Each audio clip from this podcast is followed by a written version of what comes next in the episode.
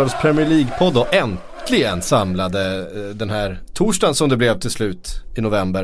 Eh, vi är lite decimerade, det har varit lite sjukdom och lite landslagsjobb för, eh, för Frida framförallt och våra ersättare som var tilltänkta har ju haft ungefär samma bekymmer med höstsnuvor och landslagsuppdrag. Så att här sitter vi, du och jag Kalle. Så som det var under, under ett par år så var det du och jag som rattade den här podden innan vi fick förstärkning. Vi får väl se till att reda ut den här situationen också då. Yes, vi jag ska få se vad min röst håller för idag. Jag vet inte om den bär hela avsnittet men det visar sig. Ja det märker vi. Vi ska börja med att eh, ta upp en grej som, eh, det har varit väldigt mycket på Football Leagues och fan de här uppgifterna som kommer de stämmer ju i stort sett aldrig. Det började med Cristiano Ronaldo, och där har vi inte fått allting bekräftat än. Det är ju såklart en utredning som pågår. Eh, men sen har uppgifterna om eh, Manchester City och PSG, eh, det har väl också varit de här uppgifterna om Eh, Eh, att man har eh, haft någon slags rastänk i akademierna i PSG. De vill ha in, eh, vill inte att det ska vara för mycket svarta spelare och sådana här saker. De här uppgifterna är väl också Football League så har visat sig stämma och PSG har gått ut och liksom eh, lagt sig på rygg där och nu har det kommit fram ytterligare uppgifter. Eh, den här gången är det Chelsea som man har hittat, eh, som man har dokument eh, kring en del övergångar och Framförallt handlar det då idag om 14 stycken ungdomsspelare som då illegalt eller felaktigt ska ha värvats av Chelsea. Och rekommendationen då från det här Fifa-organet som eh, har gjort den här utredningen är faktiskt att det ska vara avstängning i två år, fyra transferfönster eh, ska Chelsea alltså helt enkelt ha förbud att köpa spelare i. Och det, det är ett drygt straff alltså. Ja det får man ju säga. Eh, det skulle såklart stå oerhört hård. Eh, så får vi se om det landar i det eller om de nöjer sig med ett och två transferfönster. Det tror jag att man mm. kan överleva. Det, vi har ju faktiskt sett Du har ju sett Barcelona få till exempel. Precis i Spanien som mm. har fått de typerna av straff. Och de har ju hanterat eh, förhållandevis bra ändå. Eh, mm. Alltså de har klarat sig. Bättre än vad kanske, ja precis, bättre än vad man trodde egentligen. Och de har väl löst det lite med någon eh, typ av eh, pre-contract där när de har signat spelare mm. också gjorde väl Barcelona där med spelare som inte fick spela på ett halvår. Arda Turan framförallt. Precis. Eh, men det man kan säga är att man får inte signa spelare som är under 18 år från ett annat land. Om inte klubben geografiskt sett ligger mindre än 50 kilometer va? eller 5 kilometer från landsgränsen. Om det är det avståndet så får man mm. göra det. Och man får göra det om föräldrarna får jobb i ett annat land av en annan orsak än fotbollsrelaterat. De ska alltså inte få jobbet av klubben. Utan de ska få jobbet först och sen ska den här spelaren sker, flytta med då. Sker säkert inga, inga bulvanuppdrag där från Nej, nej, nej inte alls, inte alls. Eh, de har inga kontakter i näringslivet i sina närområden ju. Absolut inte. nej men eh, det var ju väldigt mycket kring det här när, jag vet att det var utredning kring det här när, när Paul Pogba gick till Manchester United till exempel. Mm. Om att det hade skett på oegentligt sätt. Och det var utredning kring det då. Men eh, som sagt eh, Ever Everton har ju fått nu avstängning från att signa Youth Players men då har det handlat om för unga spelare i England. Så I då får de inte, där, ja. inte, inte värva ungdomsspelare överhuvudtaget. Eh, Nej. Eh, och var inte så länge sedan. Det som är grejen för Chelsea här är att det finns ju eh, eh prejudicerande fall här i form av de här mm. spanska klubbarna Barcelona och Atletico Madrid. Så man kan nog Och det var faktiskt för just det här, det här brottet som de då blev avstängda. I alla fall Barcelona var jag eh, Jag minns inte varför det var samma sak med Atletico Madrid Men för Barcelona var det i alla fall det här med att man hade signat eh, ungdomsspelare på fel sätt så att vi kan nog räkna med att det blir det straffet. Sen får vi se hur många transferfönster det blir. Det var två transferfönster för Barcelona va? Det var det nog va? Eh, ett vinter och ett sommar då förstås. Eh, men jag menar, eller så är man Spurs så är ju inte det något hårt straff. De signar gärna ingen spelare. Badumtis kan vi lägga till där. Ja, skitsamma. Det, det ska bli i alla fall intressant att följa. Det är mycket som rullas upp nu uppdagas. Vi, vi fick också nyheter om eh, FA-chefen Scudamore som ja, har varit där i, nej, det, var inte, det var inte Football Leaks. Utan det, det, var ju vanligt eh, brittiskt eh, nyhetsarbete. Ja. Eh, som då ska lämna sin post efter, eh, vad var det, 19 år? 19 år har han varit VD för Premier League. Han har varit där alltid och såklart gjort mycket bra för den där ligan och varit chef över den här perioden när eh, Premier League har blivit det det har blivit idag. Om man nu tycker att det är bra eller inte men han har i alla fall tjänat en jävla massa pengar till det här förbundet. Eh, som man har basat över och, eh, och då vill man ju såklart ha en liten, en liten slant för, för eh, lång och trogen tjänst. Ja det vill väl säkert alla ha. Det som man kan ha synpunkter på här då det är ju att eh, ja, Premier League har då gått ut till klubbarna och bett om ett bidrag då på 250 000 pund vardera. Vilket alltså summerar upp till att han ska få en eh, det de kallar för i England, a golden handshake. Att han kliver från det här jobbet och får en slant eh, på ett bräde då på 5 miljoner pund. Oh. Eh, det innebär alltså att han skulle gå därifrån med sådär 55-60 miljoner eh, kronor. Då ska vi veta han en, har ju haft... Enligt en bonus. Ja, det är ju inte det... så att han har haft dåligt betalt. Nej nej utan han har ju alltså haft en lön enligt uppgift då på ungefär 25 miljoner om året. Eh, vad jag förstår.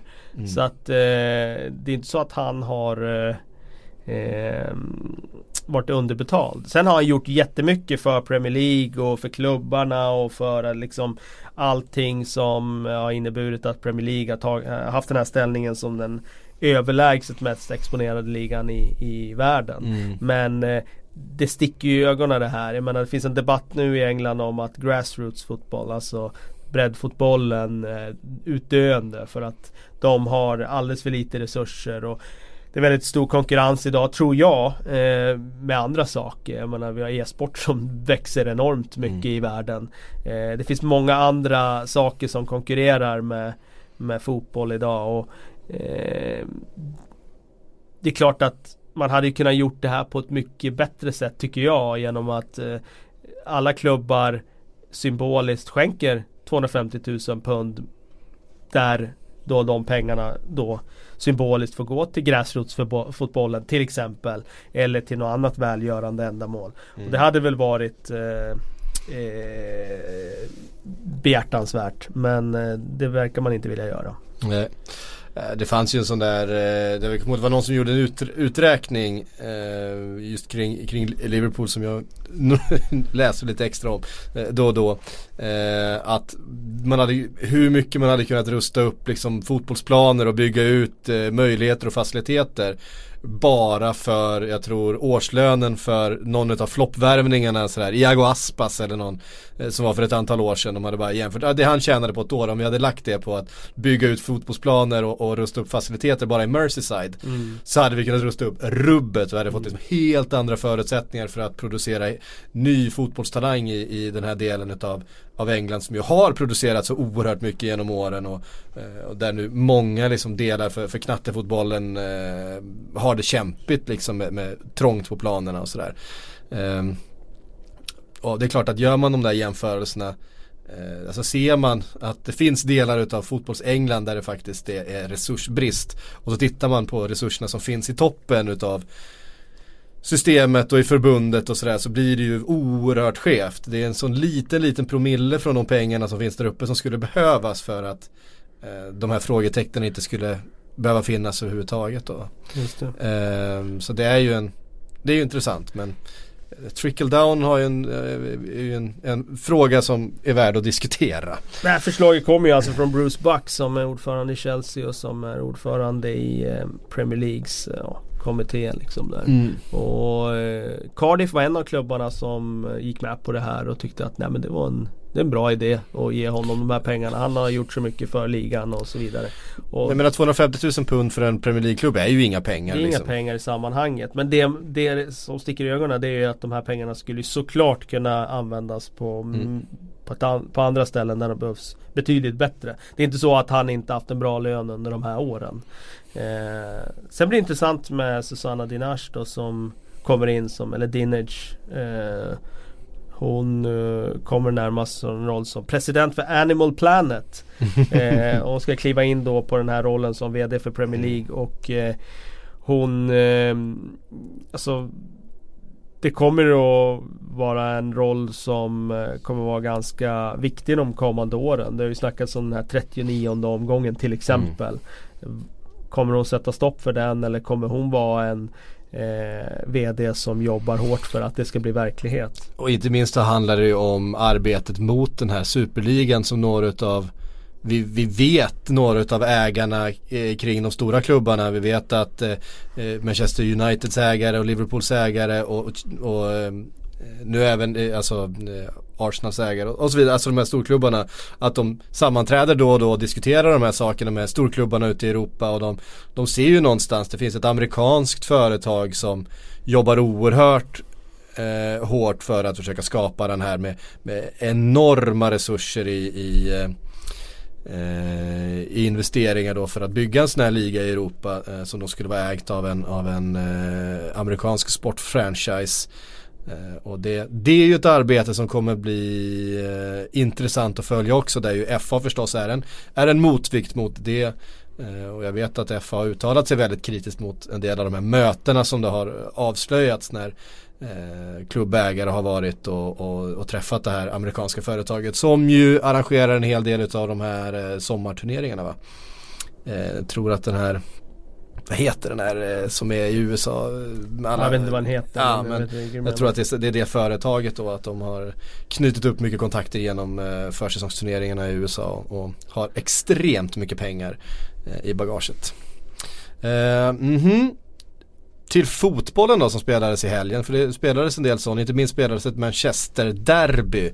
Eh, och det är ju alltid spännande. Eh, det var Mourinho mot Guardiola igen. Eh, men det var inte den duellen som ändå stal rubrikerna den här gången. Det har varit mycket snack om, om eh, Chelsea förstås och, och eh, fotboll liksom senaste veckorna. Men eh, ja, och med, nu har vi sagt det också då. Men då, man får ändå säga någonting om Manchester City. Hur överlägsna de var Eh, sina lokalrivaler i den här matchen. Vilken, vilken skillnad det är i kvalitet mellan de här två lagen.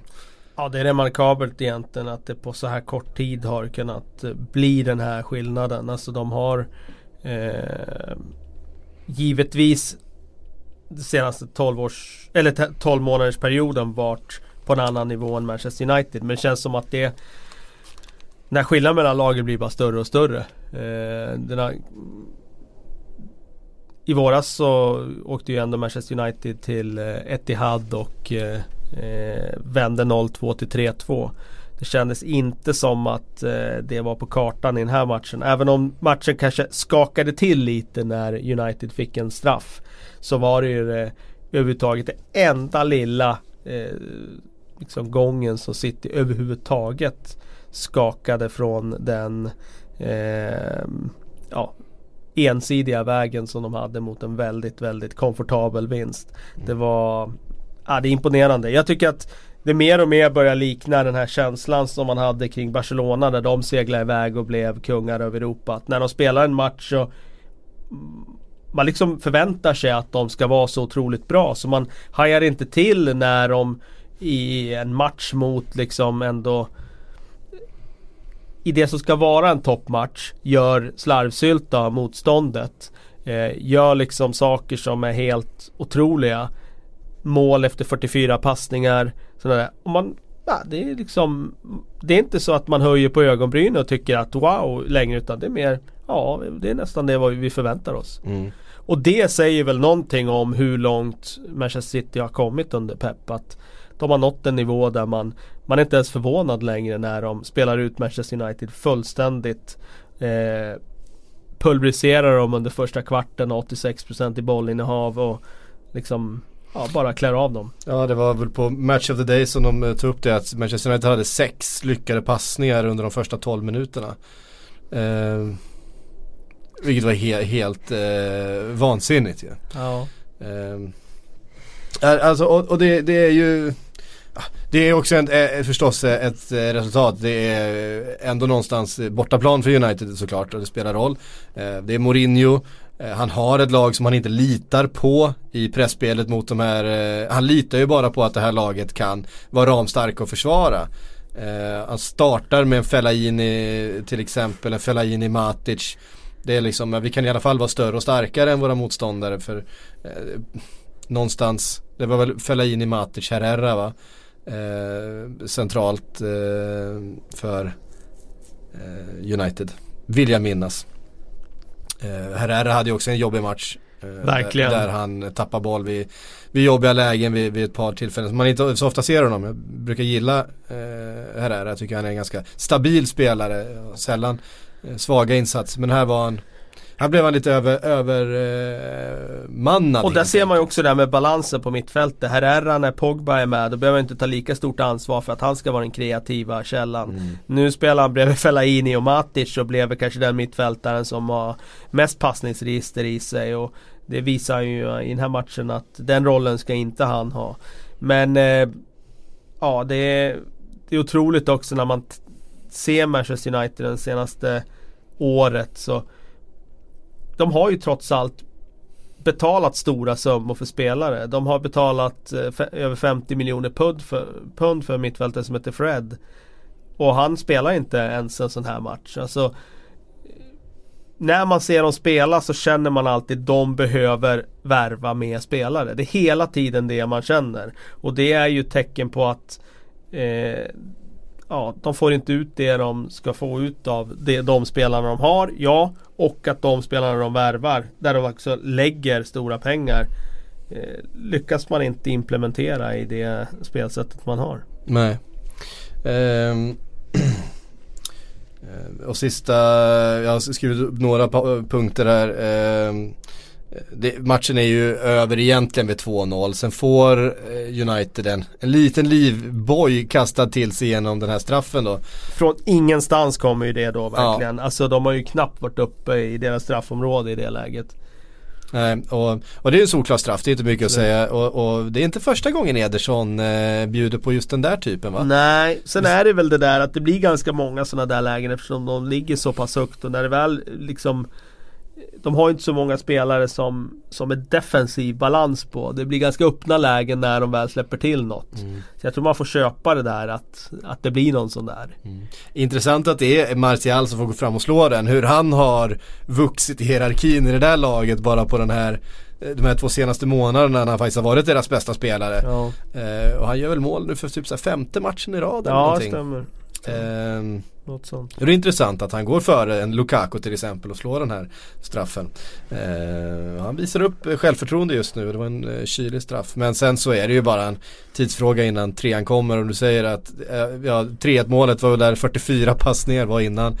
Eh, och de är ju statister Manchester United i, i den här Eh, uppbyggnaden. Jag vet inte hur många gånger bollen liksom rullas runt på mittfältet ner tillbaks till, eh, till backarna. Det är ju aldrig hem till målvakten heller utan de är så trygga liksom. Och, äh, men om, om Stones blir pressad som sista gubbe då kliver han bara förbi liksom. Eh, eh, upp och spelar upp det på mittfältet igen och sen så kommer ytan och så kommer målet. Och där, eh, där är ju Matic direkt svag i det markeringsspelet på Gundogan. Jag vet inte vad han pysslar med faktiskt. Eh, han, han får ju, han är ju tydligt alltså eh, Vigge står ju där och, se, och han vet att han har Matic bakom som ska ha koll på den gubben. Så kan han ha koll på sin yta liksom. Men, men matchen bara står stå på hälarna. Ja, verkligen. Samtidigt så blir det ju som att det blir någon slags eh, detalj i sammanhanget ändå. Mm. Någon gång kommer du sätta foten fel i eget straffområde. Jag tycker inte det är eh, Jag håller med dig om att det är klart han kan göra bättre i den situationen. Och jag vet att Mourinho pekar på individuella misstag och sådär. Men det blir som att det överskuggar ju någonstans den här liksom större bilden av att eh, skillnaden mellan de här lagen är så otroligt stor. Och ja, om man tittar på lagen den här matchen så är det väl ingen spelare i Manchester United som skulle gå in i Citys 11. Men det hade varit väldigt intressant att bara veta hur hade det sett ut om, om Pep hade varit tränare i Manchester United och Mourinho hade varit tränare i City. Hade Mourinho med sitt spelsätt fått ut det, eh, det Pep får ut av Bernardo Silva, David Silva, John Stones Raheem den, Sterling. Raheem Sterling, de typerna av spelare. Nej, jag tror inte det. det jag tror att det hade mycket talar för att det hade sett eh, diametralt annorlunda ut. Mm. Eh, och där, det slår ju hål på teorin om hur mycket en tränare på, liksom betyder för ett lag. Jag vet att Lasse Lagerbäck sa 10% någon gång. Jag hävdar ju att det är tvärtom, att det är 90-10 snarare. Eh, och när man tittar på de här två lagen så, så eh, ser man ju att det, det blir enormt eh, liksom betydelsefullt att få ut maximalt av sitt material. Mm. Um, ja, det är, framförallt en sån spelare som Sterling tycker jag. Det är ju en sån här ganska svår Eh, Eh, coachad spelare egentligen. För han har sina extrema spetskvaliteter såklart. Han är ju så otroligt hal med bollen liksom offensivt och kan gå förbi och han är snabb och eh, kan ju faktiskt både avsluta och spela fram sådär. Men han, tar, ja, han kan ju också hänga med huvudet mycket och försvinna ur matchbilder och springa, rakt, springa med bollen rakt ut över kortlinjen och så vidare match efter match. Det där eh, är eh, faktiskt ganska imponerande vad Guardiola hur han har hanterat Raheem Sterling och verkligen får ut det mesta utav honom. För han var väldigt bra i den här matchen. Såg du förresten på slutet när han det blev nästan lite förnedrande också när, när Sterling och Foden och eh, Leroy Sané står och spelar kvadraten de sista minuterna med, med United-spelarna och det, det, ser, och det slutar med att Sterling står och överstegsfintar och United-spelarna vill ju bara kliva av planen och Mata går fram och skäller ut honom efter ja. slutsignal att sådär fan visa lite respekt liksom. Alltså kvadraten kan man ju spela så som de gör i början där. Men det är ju det där när han börjar göra stepovers liksom. Mm. Och överdrivna överstegsvinter så där, Då blir det väl lite sådär att motståndaren känner att de Att han vill förnedra dem liksom. Mm. Risken när man gör det där, jag tror det är därför Guardiola skäller ut honom efteråt, det är ju att en motståndare kommer och verkligen klyver honom och så mm. är han mm. borta ett halvår. Mm. Eh, för det har man ju sett någon gång. Jag har sett någon... Neymar åka på en och Ja precis, han har precis. betett sig så. Eh, och det jag försvarar inte det men det är lätt att sinnet rinner över för en motståndare som har blivit förnedrad först i 89 minuter ute på planen i spelmässigt och sen sista minuten nere vid hörnflaggan där man inte kommer i närheten. Liksom, då, då finns det alltid en risk att någon gör något dumt. Mm. Eh, Manchester, Manchester, City kvar i topp då, där vi någonstans förväntar oss att hitta dem eh, under stora delar av den här säsongen. Vi får se ifall det är någon som kan utmana dem till, till slut här. Eh, så här års, förra året så var ju ligan redan avgjord. Eh, så det är i alla fall eh, intressant att vi har några lag som är med och utmanar även om eh, spelmässigt så ser de överlägsna ut även den här säsongen. Eh, ett av de lagen är Chelsea som eh, mötte Everton på hemmaplan eh, också i söndags. 0-0. Jordan Pickford får vi väl ändå eh, tillskriva den poängen i väldigt hög utsträckning till för Everton. Han gjorde några riktigt svettiga räddningar. Inte minst på den där frisparksvarianten som de har kört förut när Alonso går på ett tillslag och han eh, smäller en, en vrist mot bortre krysset. För den är ju fan, den är ju fan på väg in i bortre krysset den bollen om, om Pickford trots sin ringa längd eh, inte tar den. Ja, nej det var ju eh, riktigt, riktigt vass insats av Pickford. Eh, han understryker ju att han är en en av de absolut mest spännande målvakterna i världsfotbollen. Med sin VM-insats såklart mm. i färskt minne. Och, ja, det har varit jättebra den här säsongen för Everton. Eh, så han har ju stor del i, i poängen. Sen ska jag säga att eh, din vän Silva faktiskt också har mm. stor del i poängen. För mm. de var väldigt disciplinerade den här matchen Everton. Oerhört eh, konsekventa. Framförallt i sitt sätt att stänga av Jorginho tyckte jag. Mm. Eh, han blev frustrerad där vid ett tillfälle. Han kanske skulle haft mer än ett gult för den kapningen på, eh, på Gilvi. Eh, den, den eh, han inte kom åt honom där. Den var riktigt stygg faktiskt den tacklingen. Sigurdsson gjorde ju faktiskt ett imponerande arbete mm. i defensiven i den här matchen. Jag tyckte han löpte enormt mycket bara för att täcka ytor och framförallt just de där spelvägarna in till Jorginho. Och det kändes som att Chelsea kom av sig lite när de inte fick den vägen framåt. Att inte han fick styra riktigt där. Mm. Eh, och det var ändå en disciplinerad insats av Everton. Framförallt första halvlek tyckte jag de var oerhört eh, konsekventa och, och bra.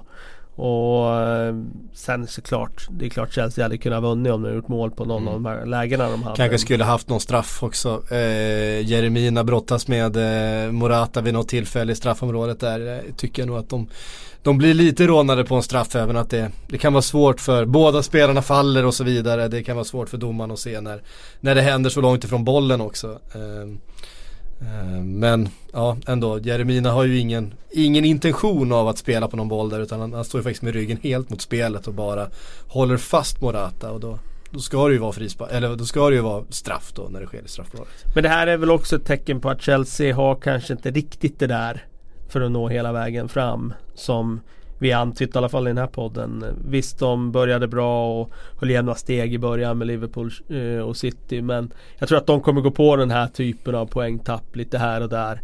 Och eh, de är väldigt, väldigt bra men jag tror inte att de eh, är tillräckligt färdiga för att liksom vara där och kriga om det.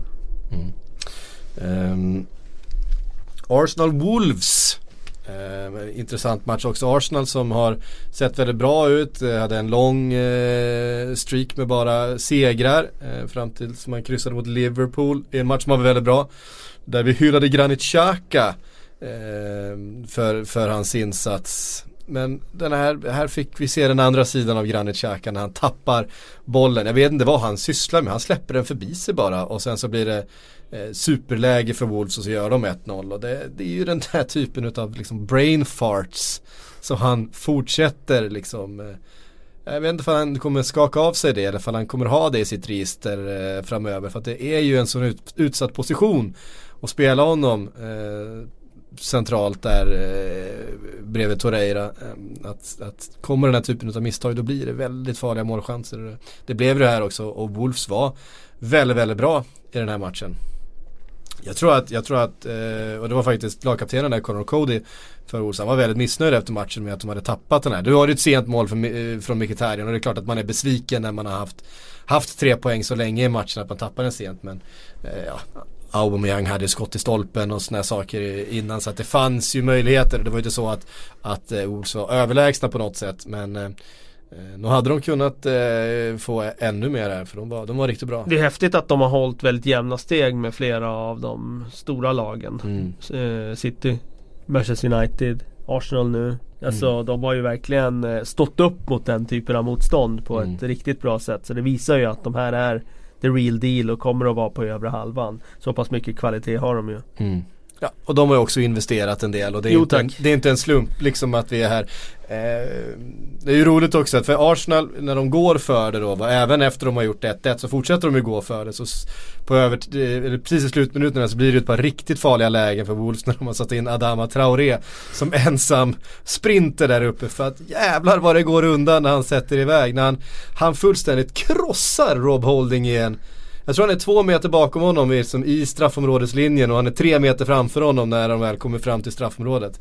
Eh, och då har han ju liksom dessutom snappat upp bollen på vägen. Ja, du menar att han är två meter bak bakom i mittlinjen? Ja precis. Ja, ja. ja, men det är helt sjukt hur snabb han är.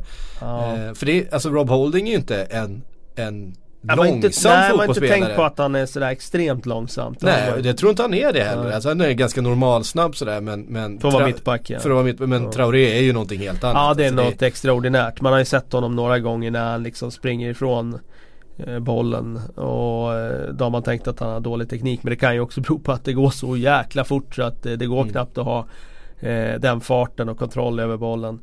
Han eh, Han gör det väldigt bra i den här situationen. Just han, i den situationen ja. gör han det otroligt bra. Han fintar ner Holding i nästa läge och får skottläge. Bernt Leno som kanske var planens bästa.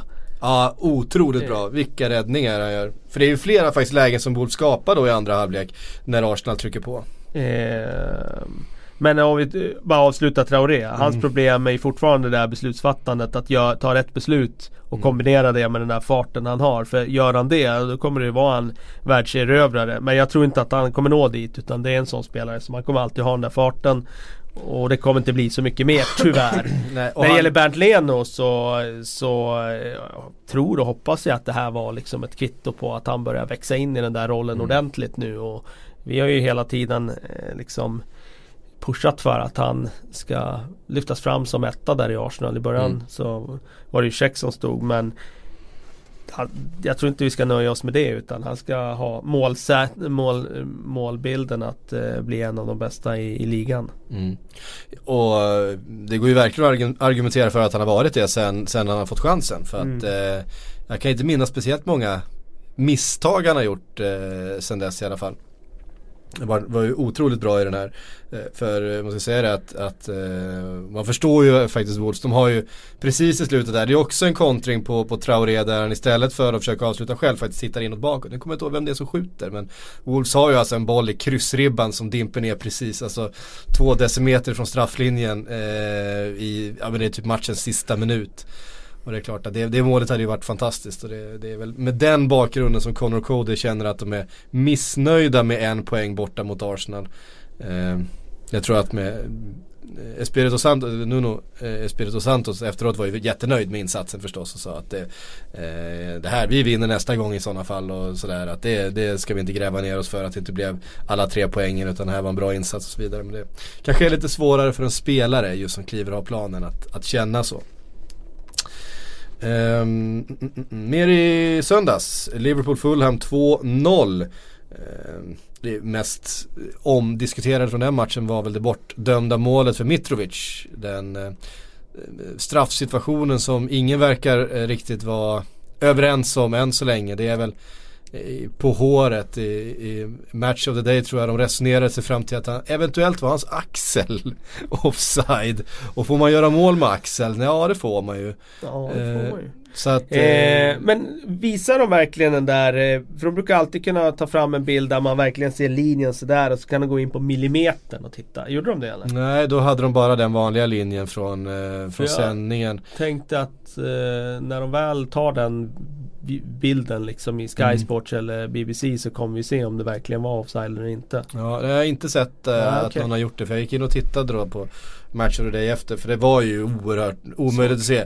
Dessutom så står ju spelare i vägen för ja. linjedomaren så det känns som att han slänger upp flaggan lite grann för att vara safe. Ja, det, är inte så säkert. Alltså, Samtidigt är det ju det där att eh, det är så liten marginal. Någon tar mm. klivet upp, någon tar klivet mm. åt andra hållet. Att mänskliga ögat kan ju aldrig uppfatta det där. Det är helt Nej. omöjligt att göra det.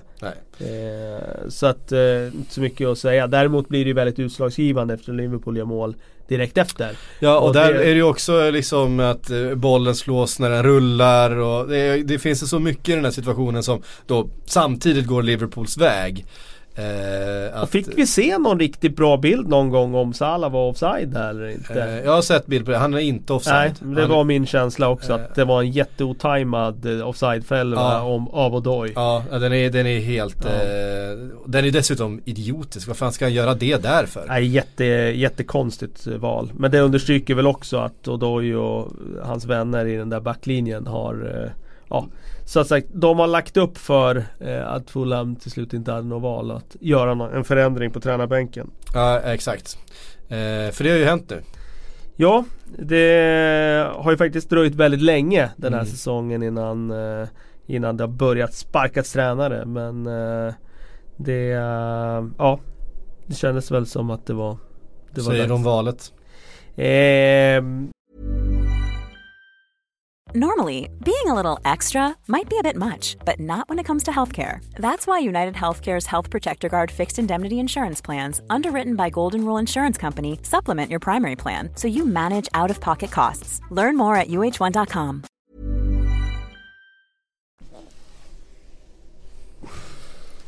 Känns väldigt eh, Fulham, känns väldigt eh, gå på ett namn eh, för att få någon som eh, har gjort det förr. Eh, och det kanske är det man behöver ha i det här läget. Jag vet inte om Ranieri är rätt man.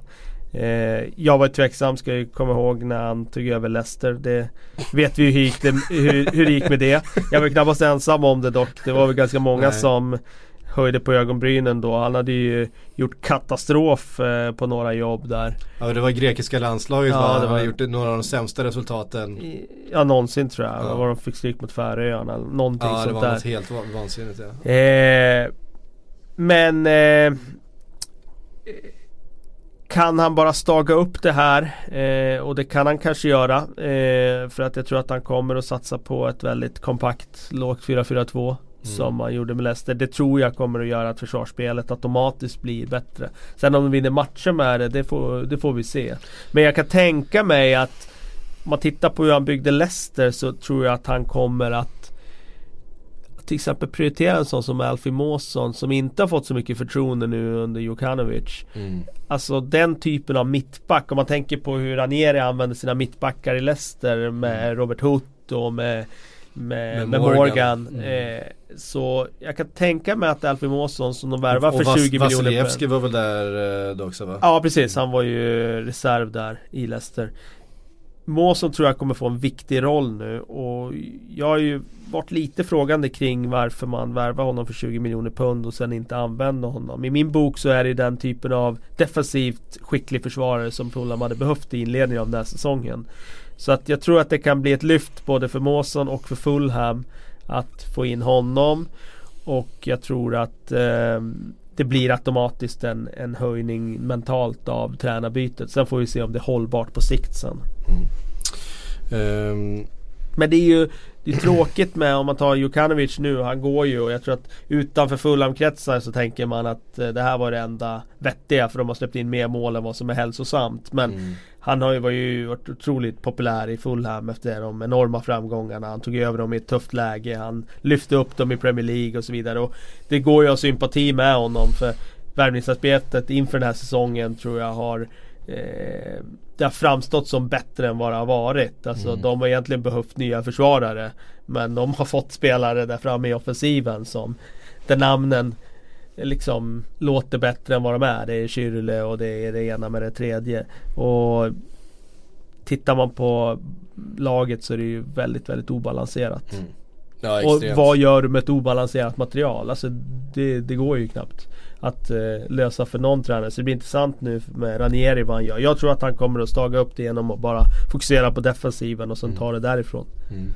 En 4-4-2. Tror du vi kan få se en, en Sessignon neddragen till en vänsterbacksplats igen eller är det för riskabelt tror du? Nej jag tror Sessignon då vänster mitt i v- så Vänsterytter då? Ja. ja. och sen tror jag ett centralt fält med Anguissa Alltså fysik och Seri säkert ja. på två manna och sen han vill, han vill väl ha Seri som sin kanté då?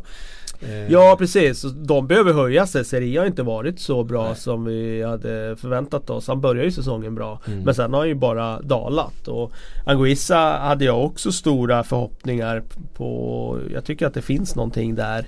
Men eh, då bör man nog använda honom rätt och det, det har, har, de inte gjort hittills i alla fall. Inte i det 3-4-3 de har spelat i inledningen av säsongen. Det blir för mycket ytor att täcka. Eh, sen, jag menar ytterbackspositioner, det har inte varit något eh, tillräckligt bra hittills.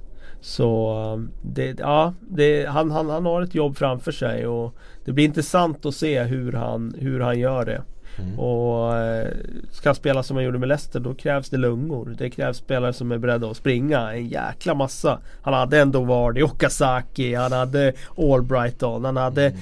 Eh, den typ, ja Kanté såklart. Mm. Men spelare som var beredda att springa och täcka mm. ytor och jobba något otroligt hårt. Och det blir intressant att se om man kan få det här Fulham att göra det. Mm. På tal om Kanté, vi får väl säga det också. Att det, är, inte, det är ju inte bara eh, dysterheter som har kommit ur de här Football avslöjandena. Det avslöjas ju också att Kanté då, även om det fanns, det finns ju frågetecken kring den här historien också då lite grann. Att eh, han skulle då ha fått upp, uppmaningen av Chelsea att starta ett offshore-bolag i ett eh, skatteparadis. I ett skatteparadis ja. Eh, och, vilket han gjorde. Eh, och sen när de sa att nej, men då vill vi betala ut din lön dit liksom för då... Image rights ja, ja, image rights ja, var det. Ja, det var ju lön i form av image rights. Ja, precis. Eh, men då tackade han nej till det och sa att jag vill hellre bara ha en vanlig lön. Eh, och det, det, det, bygger ju, det bygger ju myten om Kanté som eh, den här Helylle-killen he, Helylle-killen mm. som inte vill eh, Nej men han vill inte, han vill inte liksom bryta mot regler eller vara i vägen eller störa eller sådär Utan han vill, han vill att saker och ting ska gå rätt till och vara Det hedrar ju honom något otroligt Jag läste också att eh, Olivier Giroud var en spelare som väljer att ta hela sin lön i Storbritannien då eh, mm. Till 47% i skatt eller vad det är då ja. på, på de där ja, det blir ju hög lön när man tjänar sådär mycket. Eller det blir hög skatt såklart när man tjänar så mycket. Mm. Det säger väl någonting om han är, då är ett exempel på en av de som väljer att ta lönen så. Då är väl det ett ganska tydligt tecken på att det är ganska många som inte väljer att göra det. Som vi var inne på förra veckan hur, hur utbredd man ändå får misstänka att det där med skatteplanering och skattefusk och eh, olika regler som bryts och, och eh, ekonomi som det fuskas med, liksom, hur utbrett det lär vara även utanför Manchester City och PSG även om det blir väldigt uppenbart där med de enorma investeringar som de eh, har gjort. Ehm, två mål för Liverpool, vi var inne på det första kanske skulle blåst eh, av för att bollen var i rullning när eh, Alisson spelade ut den. Annars en rapsnabb omställning eh, som, som där som vi var, såg mycket av Salah förra säsongen. Ehm, Och ett fint mål, framförallt ett fint mål i andra halvlek av Shakiri.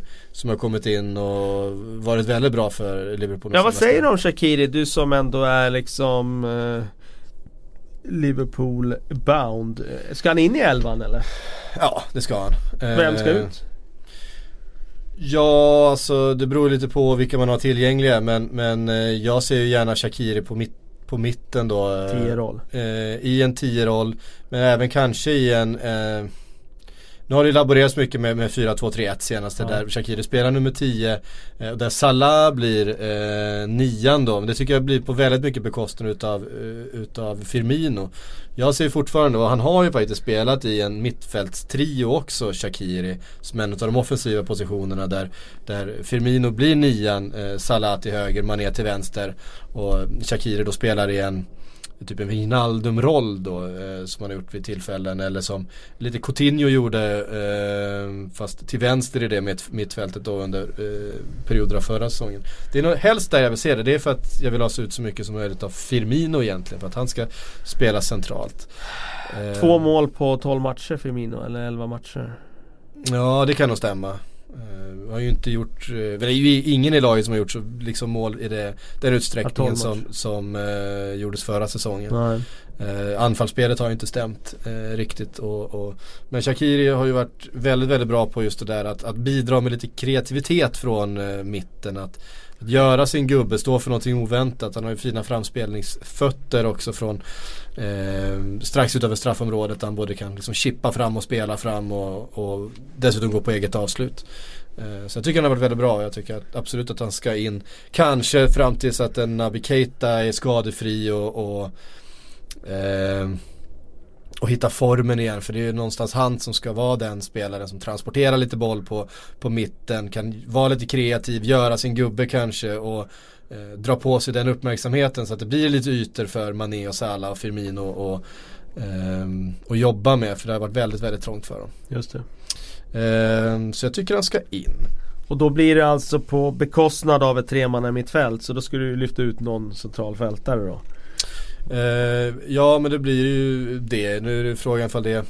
Uh, jag tycker att Milner ska spela för jag tycker att Milner ska spela helt enkelt. Ja. Och då har vi en en plats kvar. En, en, plats kvar och då är det ju frågan om vem som är hel egentligen.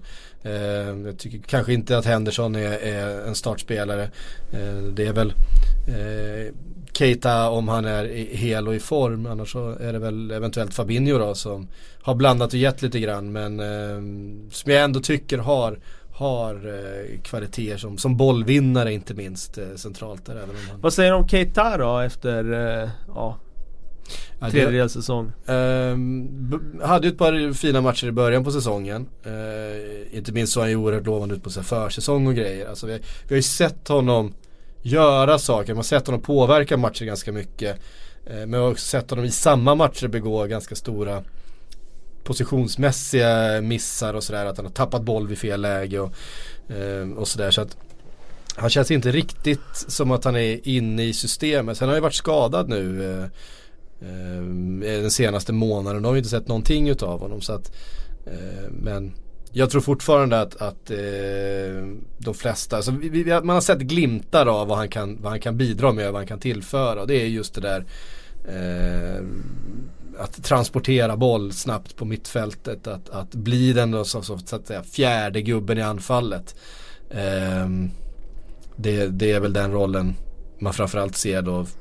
Plus att han jobbar mycket, han vinner mycket boll och att han kan delta i det defensiva. Men sen också har en annan, en offensiv dimension som de andra mittfältarna inte har. Kanske med undantag då av Shakiri. Eh, som ju är, är mer offensiv eh, från början. Men ah, han har ju än så länge mycket kvar att bevisa. Han har ju spelat så pass lite eh, den här säsongen. Eh, så, är det. Eh, ny seger för Newcastle. Två mål av Rondon. Det har man ju väntat på. Eh, den gode Rondon som ju har en tendens att vara en sån här spelare som kommer in i stim. Ja. Och då gör han mycket mål. Det var ju en oerhört vacker nick två, det var väl 2-0 målet eller det var väl ett sent mål av Bournemouth ja, Stenhård nick Ja stenhård nick. Han är ju så jävligt stor och stark. Ja. eh, Så att när han kommer där med lite fart då vet jag inte vem som ska kunna stoppa honom eh, När han dyker in i den situationen. För att det är ju, det är ju, hund, det är ju 100 kilo muskler som kommer farande liksom. Han känns ju lite som en så här eh Adriano när han var i Inter att när han är i mm. form och så då är han nästan mm. ostoppbar. Mm. Men eh, det är lite för långt emellan varven tyvärr. Ja.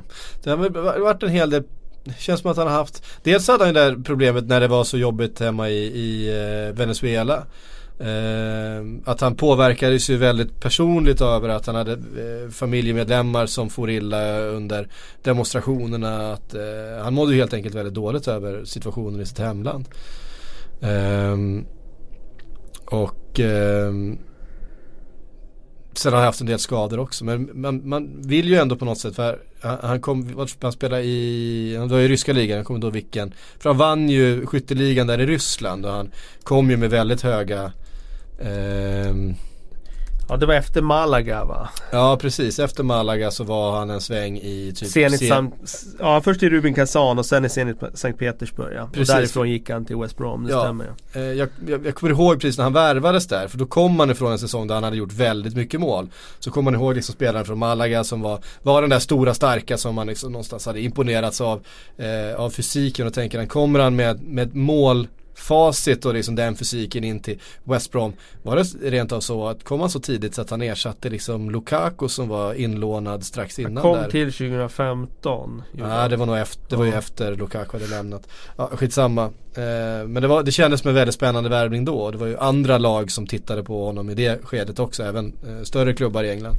Eh, men sen dess så har det ju liksom, ja men det har blivit vissa matcher sådär så har han sett bra ut och så har det varit mycket problem Jag tror tyvärr att det kommer vara så. Han känns som en sån forward som man kommer ha en hög höjd i sig men han kommer inte hitta riktigt den där jämnheten. Och det är ju ett tecken på att man inte är tillräckligt bra. Alltså eh, Jag tror 95% av alla spelare har ju en höjd som de kan plocka fram någon gång ibland. Svårigheten är ju att, att leverera den på, på kontinuerlig basis Ja precis. Eh, alltså man har ju fortfarande den där bilden, alltså på, på näthinnan. Eh, när han fullständigt mosar, eh, eh, heter han, eh, Hutt. Robert Hutt i en, i en närkamp. Man har aldrig sett, man såg nästan Robert Hutt efteråt att han har aldrig Han har aldrig fått stryk fysiskt i en närkamp på det sättet. Liksom en, en axel mot axel verkligen och, och Hutt bara flög. Eh, och där, där, där, någonstans så då, liksom, då reagerade jag också för man visste ju att han var stor och stark och man har sett honom liksom. Men, men Robert Hutt är en pjäs. Det är liksom inte vem som helst. Eh, sådär och att man såg Hot själv att han såg liksom förbryllad ut efteråt. Vad fan var det där som hände? Och det var Rondon som hade klivit in med kraft liksom. Så att där, eh, power har han och det är liksom lite grann som Adama Traores spetsegenskap med sin snabbhet då liksom. Att, Kanske är det det han har och kanske får han inte ut eh, allt han skulle kunna få ut av den eh, spetsegenskapen. Men ja, han är intressant i alla fall och två mål i helgen. Ehm, uh, uh, ja, vart skulle vi nu? Vi skulle till eh, Cardiff ju. De tog sig sin, eh, tog sig en seger. Eh, det händer saker i botten. Fulham blir ju avhängda här nu. Ja. Eh, stackarna. Det som är intressant tycker jag med botten och så det är ju att vad är det för matcher de vinner? Jo det är mot bottenkollegorna. Det har ju blivit en eh, enorm skillnad får man säga mellan topp och botten den här mm. säsongen. Mm. Och det här tycker jag också är intressant utifrån att Premier League har ju alltid marknadsförts som den här ligan där alla kan slå alla. Så har det ju absolut inte varit den här säsongen utan tvärtom så har vi tre lag Manchester City, Liverpool och Chelsea som är obesegrade. Det har aldrig mm. hänt att tre Nej. lag efter 12 omgångar har varit obesegrade. Så kan man säga att ja det var ju bara någon sekund ifrån att Chelsea fick stryk där mot Manchester United när de gjorde mål i liksom allra sista mm. sekunden. Men det säger ändå någonting om att toppen har blivit bättre. Mm. Men framförallt att bottenlagen har ta med tusan blivit sämre. Ja. Eh, I ljuset av det här höjda tv-avtalet med ökad köpkraft och så. Nu har vi ändå en eh, från plats 14 och neråt. Där det är 9 poäng och neråt. Newcastle, Burnley, Crystal Palace, Southampton, Cardiff, Huddersfield, Fulham. Det är eh, en samling lag som inte har speciellt bra material på pappret. Där tycker Nej. jag väl kanske Crystal Palace då har spelat bättre än vad deras tabellposition antyder. Kunde ha fått fler poäng än vad de har. Men det känns som att det är en ganska svag undre halva. Mm. Svagare än tidigare. Visst det har alltid funnits någon slagpåse sådär. Mm. Men nu är det rätt många lag. Mm. Och, eh, tittar man ut i, jämfört med Spanien till exempel och, oh. och Italien där, där, där även småklubbarna faktiskt Ja, framförallt i Spanien, ja. för den här, den här säsongen är ju helt Ja, den är upp, upp och upp, uppåt väggarna liksom. Så att, eh, och där känner ju verkligen alla att eh, här kan vi åka till Camp Nou och ta tre poäng liksom. Det, det har ju inte småklubbarna alltid känt. Nej, det kan man inte påstå. eller, eller Bernabéu för den delen. Eh, men här, eh, här känns det ju liksom när, när Huddersfield har Manchester City på besök. Det känns som att de kan spela 100 matcher i rad utan att, utan att ta en, en poäng. Ja just nu är känslan så, sen får vi se om de Men växer in just, i säsongen. Just det är faktiskt just City också, så tycker jag inte det känns mot något av de andra lagen även om Även om då Liverpool och Chelsea är obesegrade och, och Tottenham är strax bakom.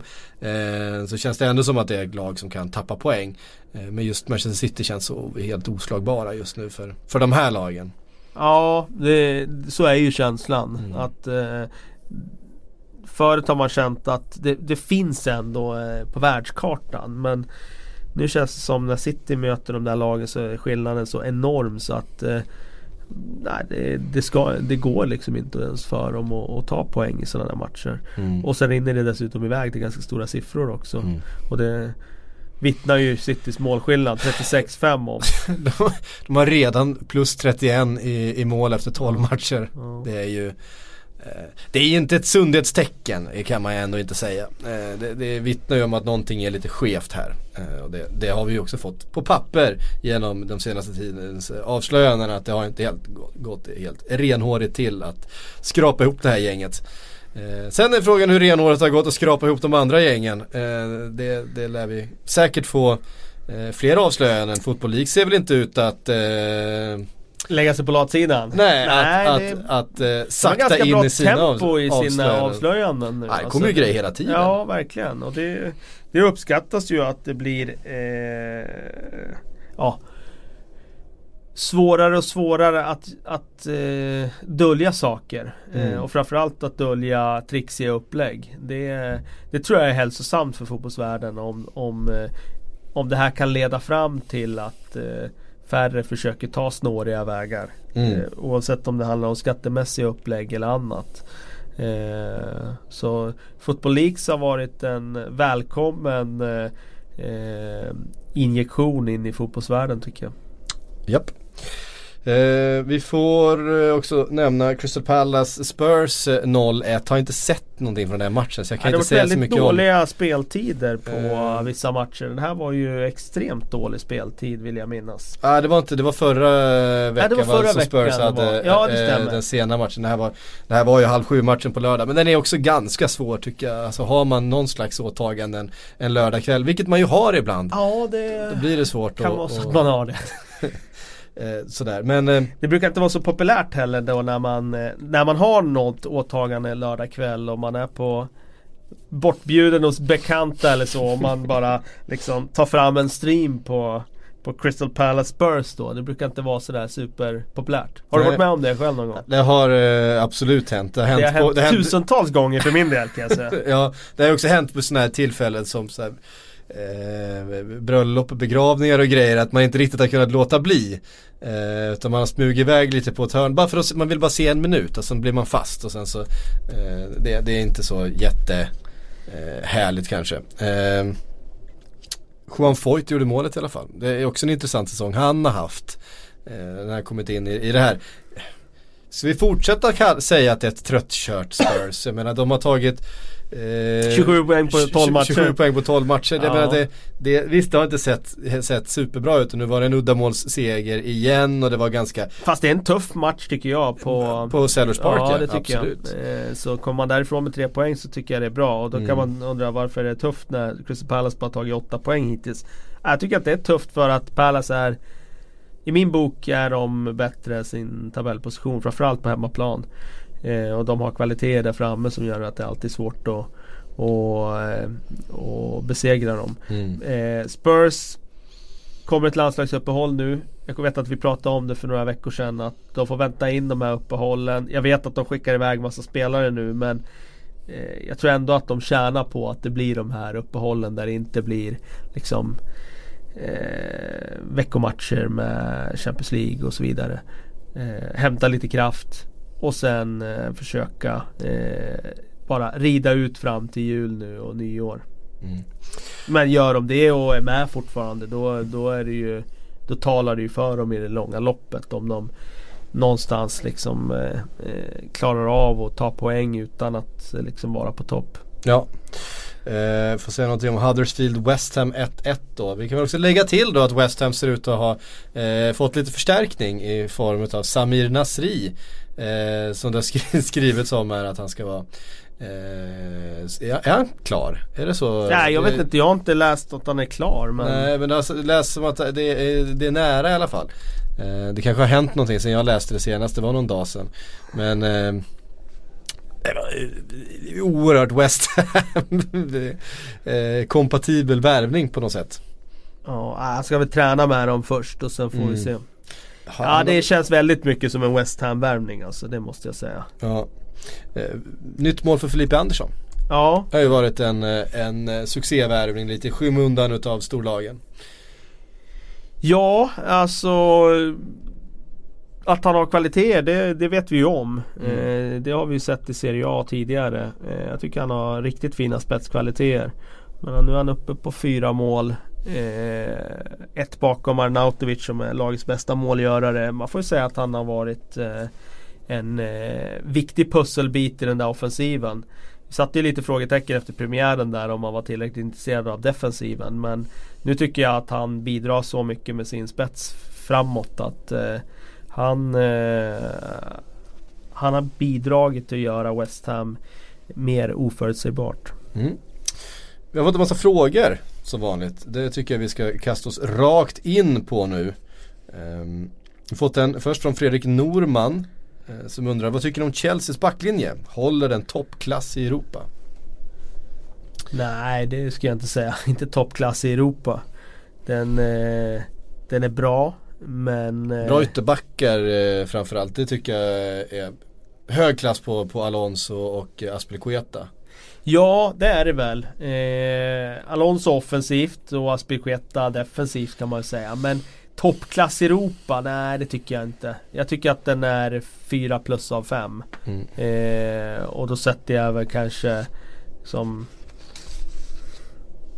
jag, jag, tycker mycket handlar också i Chelseas fall när det handlar om försvarsspel handlar mycket om det kollektiva. Jag tycker de är väldigt bra organiserade i, i återerövring. Till exempel högt upp i banan vilket gör att de kanske inte ställs inför samma typ av hot. Mm. Så uh, Nej, inte, inte toppklass Europa. Det är en bit kvar. Mm. Eh, Jean-Pascal eh, Stryver skriver eh, att Ramsey lämnar Arsenal efter säsongen. Är det en förlust eller inte? Bayern ryktas det om. Eh, jag gillar ju Ramsey. Eh, han har ju Eh, en viss typ av, eh, en viss typ av matcher, en viss typ av spel är han ju oerhört skicklig när det ska eh, kortpassning spelas och det ska kombineras fram och tillbaka. Så han har ju eh, fina passningsfötter och, och, dessutom den här förmågan att löpa in i straffområdet på en, eh, sen nästan Lampard, Lampardesk eh, komma in och, och eh, avsluta och göra mål. Han hade ju en säsong där han eh, gjorde oerhört mycket mål. Det känns som att han gjorde alla Arsenals mål i en, en period. Men eh, har han det som krävs för Unai Emerys eh, planer framöver? Det är frågan. Eh, man måste ju använda Ramsey rätt för att få ut eh, hans kvaliteter och det går inte att ha han i en för defensiv roll för då ber han sig iväg på sina utflykter och så lämnar han för mycket yta bakom. Det händer ju väldigt ofta för om man går tillbaka några år. Och då är hans egna stats ganska bra. Han har gjort ganska mycket mål och han har följt med in i straffområdet mm. och avslutat anfall. Jo men laget har ju kanske inte eh, liksom Gynnats av det? Nej, gynnats mm. av det. Så att det är ju Jag tycker inte att Arsenal idag har rätt roll för honom i elvan. Eh, jag tror att Arsenal mår bättre av att ha ett lite mer defensivt balanserat mittfält som kan täcka upp för de andra, som, andra spelare som går framåt. Så att, mm är det en förlust? Ja, det är klart att han har kvaliteter men jag tror, jag tror inte att den är så stor förlusten ändå eftersom de inte har kanske den rollen som han skulle må bäst av. Mm. Eh, Anton Olsson vill ha boktips. Eh, han eh, ställer nog den här specifikt till dig Kalle. Han undrar, har du några tips på bra böcker till tränare? Eh, till exempel böcker som handlar om fotbollsfilosofi, ledarskap, träningsmetoder etc. Annars får du skriva en Kalle. Ja, jag ska skriva en själv menar du? Ja, precis. ja, nej eh, det tror jag inte men eh, eh, Ja eh, De ska vara bra också. Jag har en jävla massa böcker kan jag säga. Jag vet inte fan om de är så jäkla bra egentligen. Men eh, jag tycker väl eh,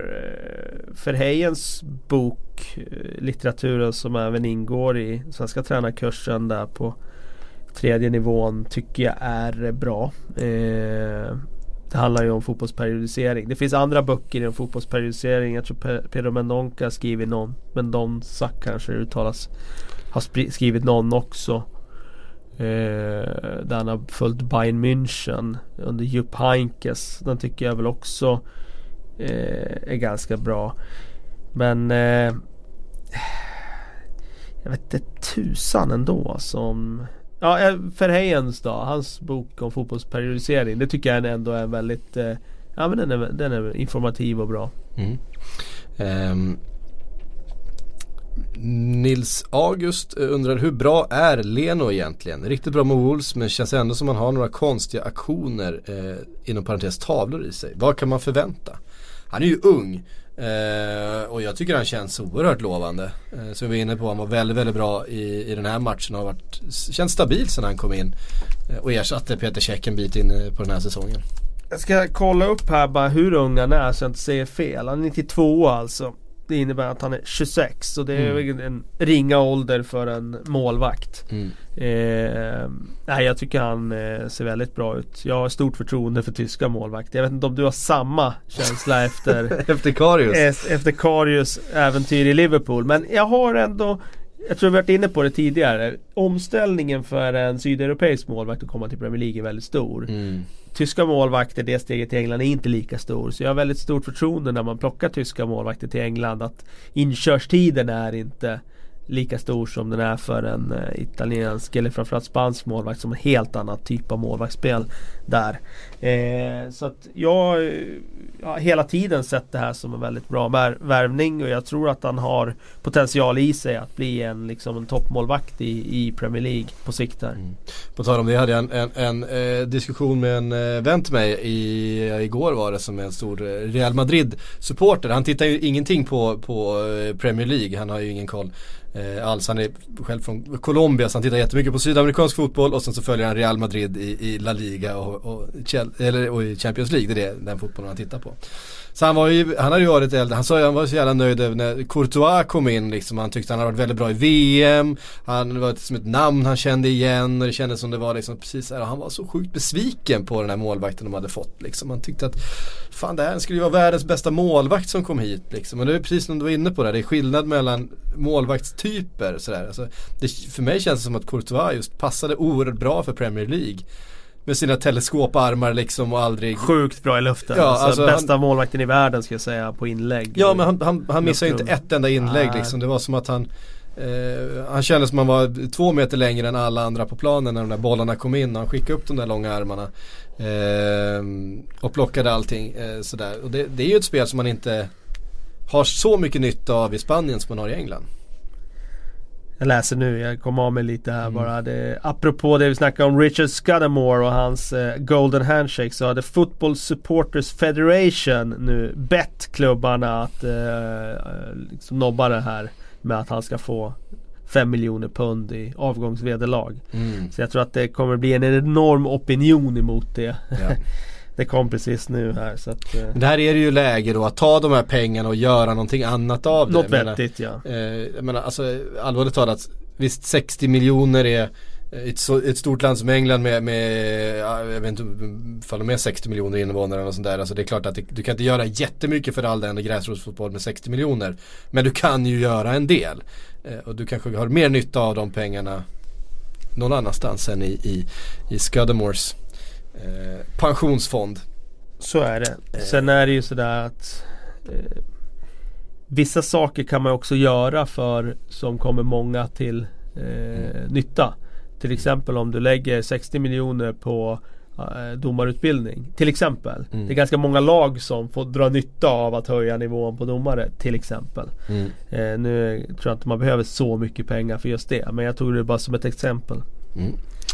Ehm, Anton Johansson har skrivit om han fortfarande var aktiv och inte haft något uppehåll. Hur tror ni då Sir Alex hade presterat eh, i Premier League som utvecklas spelmässigt så mycket de senaste åren? Ja det där är en intressant fråga. Det måste jag säga. Eh, Alltså han hade ju, eftersom han fysiskt inte riktigt är i, i form. Eh, Nej men det får man ju bortse om vi, ifrån. om vi liksom tar att han han, har haft pacemaker i rätt många år får man komma ihåg. Ja, alltså han hade ju inte orkat med jobbet om man säger så. 2000-talet. Men om vi tänker att, att Sir Alex var, var 15 år yngre.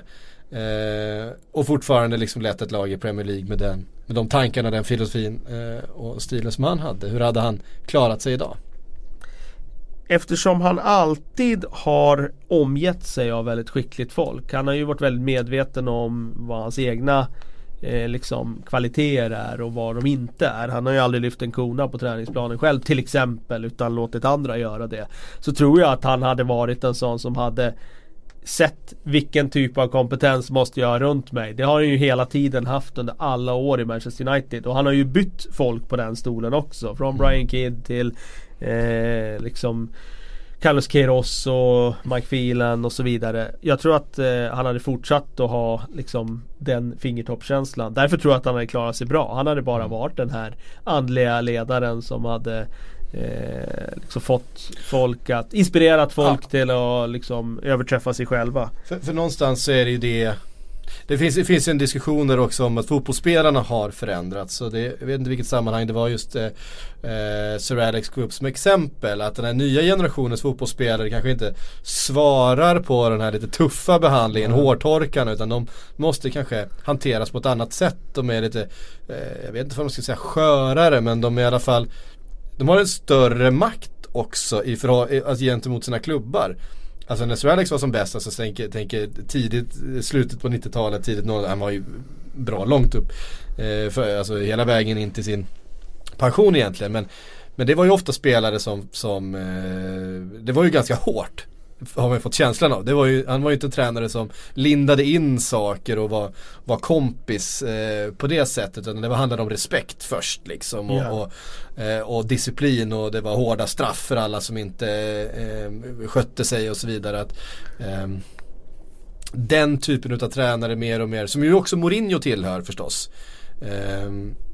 Att den typen av tränare har fått mindre och mindre. Det är mer kramar, det är mer Guardiola och Klopp liksom som ska vara kompisar med sina spelare och, och, ehm, och så på ett annat sätt. Och de här nya generationen med, med liksom Nagelsmann och de här som är eh, ja, men har en annan inställning till, till sina spelare. Plus det då att spelarna har fått mycket mer makt gentemot klubbarna. Alltså att de, de själva kan, eh, kan sätta press på klubbledningar och så vidare på ett sätt som de absolut inte kunde Förut nej. eh, för 15 år sedan. Nej det finns ju en poäng i det. Sen får man säga just Sir Alex var ju en så otroligt skicklig människokännare. Så jag tror att liksom eftersom han också tog upp det här i ganska tidigt skede när andra kanske inte hade lyft det här Mm. fenomenet att eh, han hade kunnat anpassa sig. För det tycker jag det var det han gjorde. Alltså, tror att han delade ut jäkligt mycket hårtorkar om du går tillbaka till början av 90-talet. Liksom. Så jag tror inte det var lika mycket hårtorkar om går in runt 2005-2006 när han hade Ronaldo, Nani och Mm. Rooney och sådana spelare. Eh, utan jag tror att han liksom Och det är ju spelare som fortfarande har någon slags faders relation till, Till honom, till, ja. till Ja. Sir Alex även idag. Man Ja. ser ju varje gång de träffar honom liksom hur de allihop lyser upp och, och, och eh, spelare som jag har gått vidare i sina karriärer, gjort helt andra saker och uträttat saker på helt andra håll. Så är de fortfarande eh, känns det som att varje gång man ser dem i, i sammanhanget med eh, Sir Alex så, så lyser de upp på ett speciellt sätt. Så han betyder, betyder nog väldigt mycket för alla. För alla utanför Ray, Roy Keane som det skar sig med på slutet. Eh, sådär. Men jag tror, att, jag tror att en långvarig relation med Roy Keane måste avslutas med att det skär sig. Jag tror att det, det, finns, det finns inga andra sätt att, att ha en relation med Roy Keane. Ja nej det kan det vara så. kan det vara så. Ehm, För det är väl så att det är väl, det är väl den enda som man har hört uttalat ett, ett groll mot eh, Alex Ferguson. Eh, så här i efterhand. Ja det kanske det är. Jag, jag kan liksom inte komma, inte komma på någon annan. Det har ju såklart funnits duster genom åren sådär. Men han har väl fortfarande en liten eh, Ja, jag ska inte säga för mycket eh, just nu. Eh, ta en sista fråga. Eh, T. Jernberg undrar Fernandinho, David Silva, Bernardo Silva. Hur bra är det mittfältet just nu och vem ska De Bruyne peta när han kommer tillbaks? För det, det ska han. De Bruyne kommer peta någon utav dem. Det kommer säkert vara en snurr också. Eh, alla är inte hela samtidigt och så vidare. David Silva börjar ju faktiskt bli lite till åren så det kanske är så att de sparar hans ben lite. Han har ju varit brutalt bra den här säsongen. Frågan om han inte har varit det, det är också intressant tycker jag just det där med Nästan alltid vid den här tiden varje säsong Så har vi ju en spelare som börjar lanseras. Det här är nog eh, säsongens player of the year. I fjol mm. var det De Bruyne vid den här tiden. Mm. Och liksom, det är alltid någon spelare som Hazard har vi varit inne ja, på här ju. Jag menar eh, Men den här säsongen har inte riktigt varit någon sån spelare som sticker ut. Men det måste ju vara rimligen någon från eh, Någon av de tre lagen som ligger i toppen som har bjudit på den bästa fotbollen hittills. Och David Silva är en. Jag tycker faktiskt Bernardo Silva också är en av liksom kandidaterna. Om man ska ha en lista på åtta namn så är han med där. Eh, Edna Sar såklart. Eh, men eh, det här mittfältet, ja så det ju, fortsätter de på det här sättet, det finns ingen som säger att de inte skulle kunna vara ett av de bästa mittfälten vi har sett i Premier League under ligans historia. Så är det svårt att jämföra tvåmanna mittfält med tremanna mittfält och så vidare. Men som de spelar just nu, Fernandinho, David Silva, Fernandinho Bernardo, var också fantastisk. Han var brutal i, i senaste matchen. I, i alltså. Ja, det var Eh, alltså det var ett tillfälle där, jag vet inte ifall det är en snespark av de Gea men han skickar ju en En riktig sån där eh, maskdödare liksom så här, som går längs med marken hela vägen upp och når Rashford. Han slår i stort sett hela laget. Där Rashford eh, vid en bättre bolltouch kan vända upp och det blir en 3 mot 3 situation mellan då eh, Rashford, Martial och Mata mot då, eh, Citys eh, trebackslinje. Där Fernandinho är den enda som ser den och, och kliver in och precis när han ska vända upp och ta med sig bollen bara bara kliver dit och tar den av honom. Det är ett oerhört eh, uppmärksamt och eh, fint eh, försvarsspel av Fernandinho där. Det är ju det som sen blir eh, 2-0 tror jag. Ja. Eh, det är den bollvinsten. Just det. Det, är, det, sker lite pressat. Han skickar nog iväg den bollen. Det ser ut som att det är eh, lite på vinst och förlust men den blir helt perfekt och den är ju låg då. Alltså den, den är stenhård tvärs över hela Alltså upp på, på offensiv planhalva. Han slår ju, slår ju ut och sju utespelare med eh, den bollen. Men eh, Fernandinho är där och bara Rashford tar för första touchen på den men Fernandinho är bara där och tar den av honom. Han, det är inte ens en frispark liksom. Han, tar, han vinner bollen och kan själv spela iväg den sen. Eh, där de flesta andra defensiva mittfältare bara går in och klipper, ser till att det inte blir någonting, tar en frispark, eventuellt ett gult kort och sen inte mycket mer än det. Eh, det Ja, det är en, det är en annan, det är en, det är en hög nivå på, på mittfältsspelet där. Vet ni vad? Det var allt vi hann den här torsdagen som det blev. Eh, vi är tillbaks på tisdag igen, hoppas vi.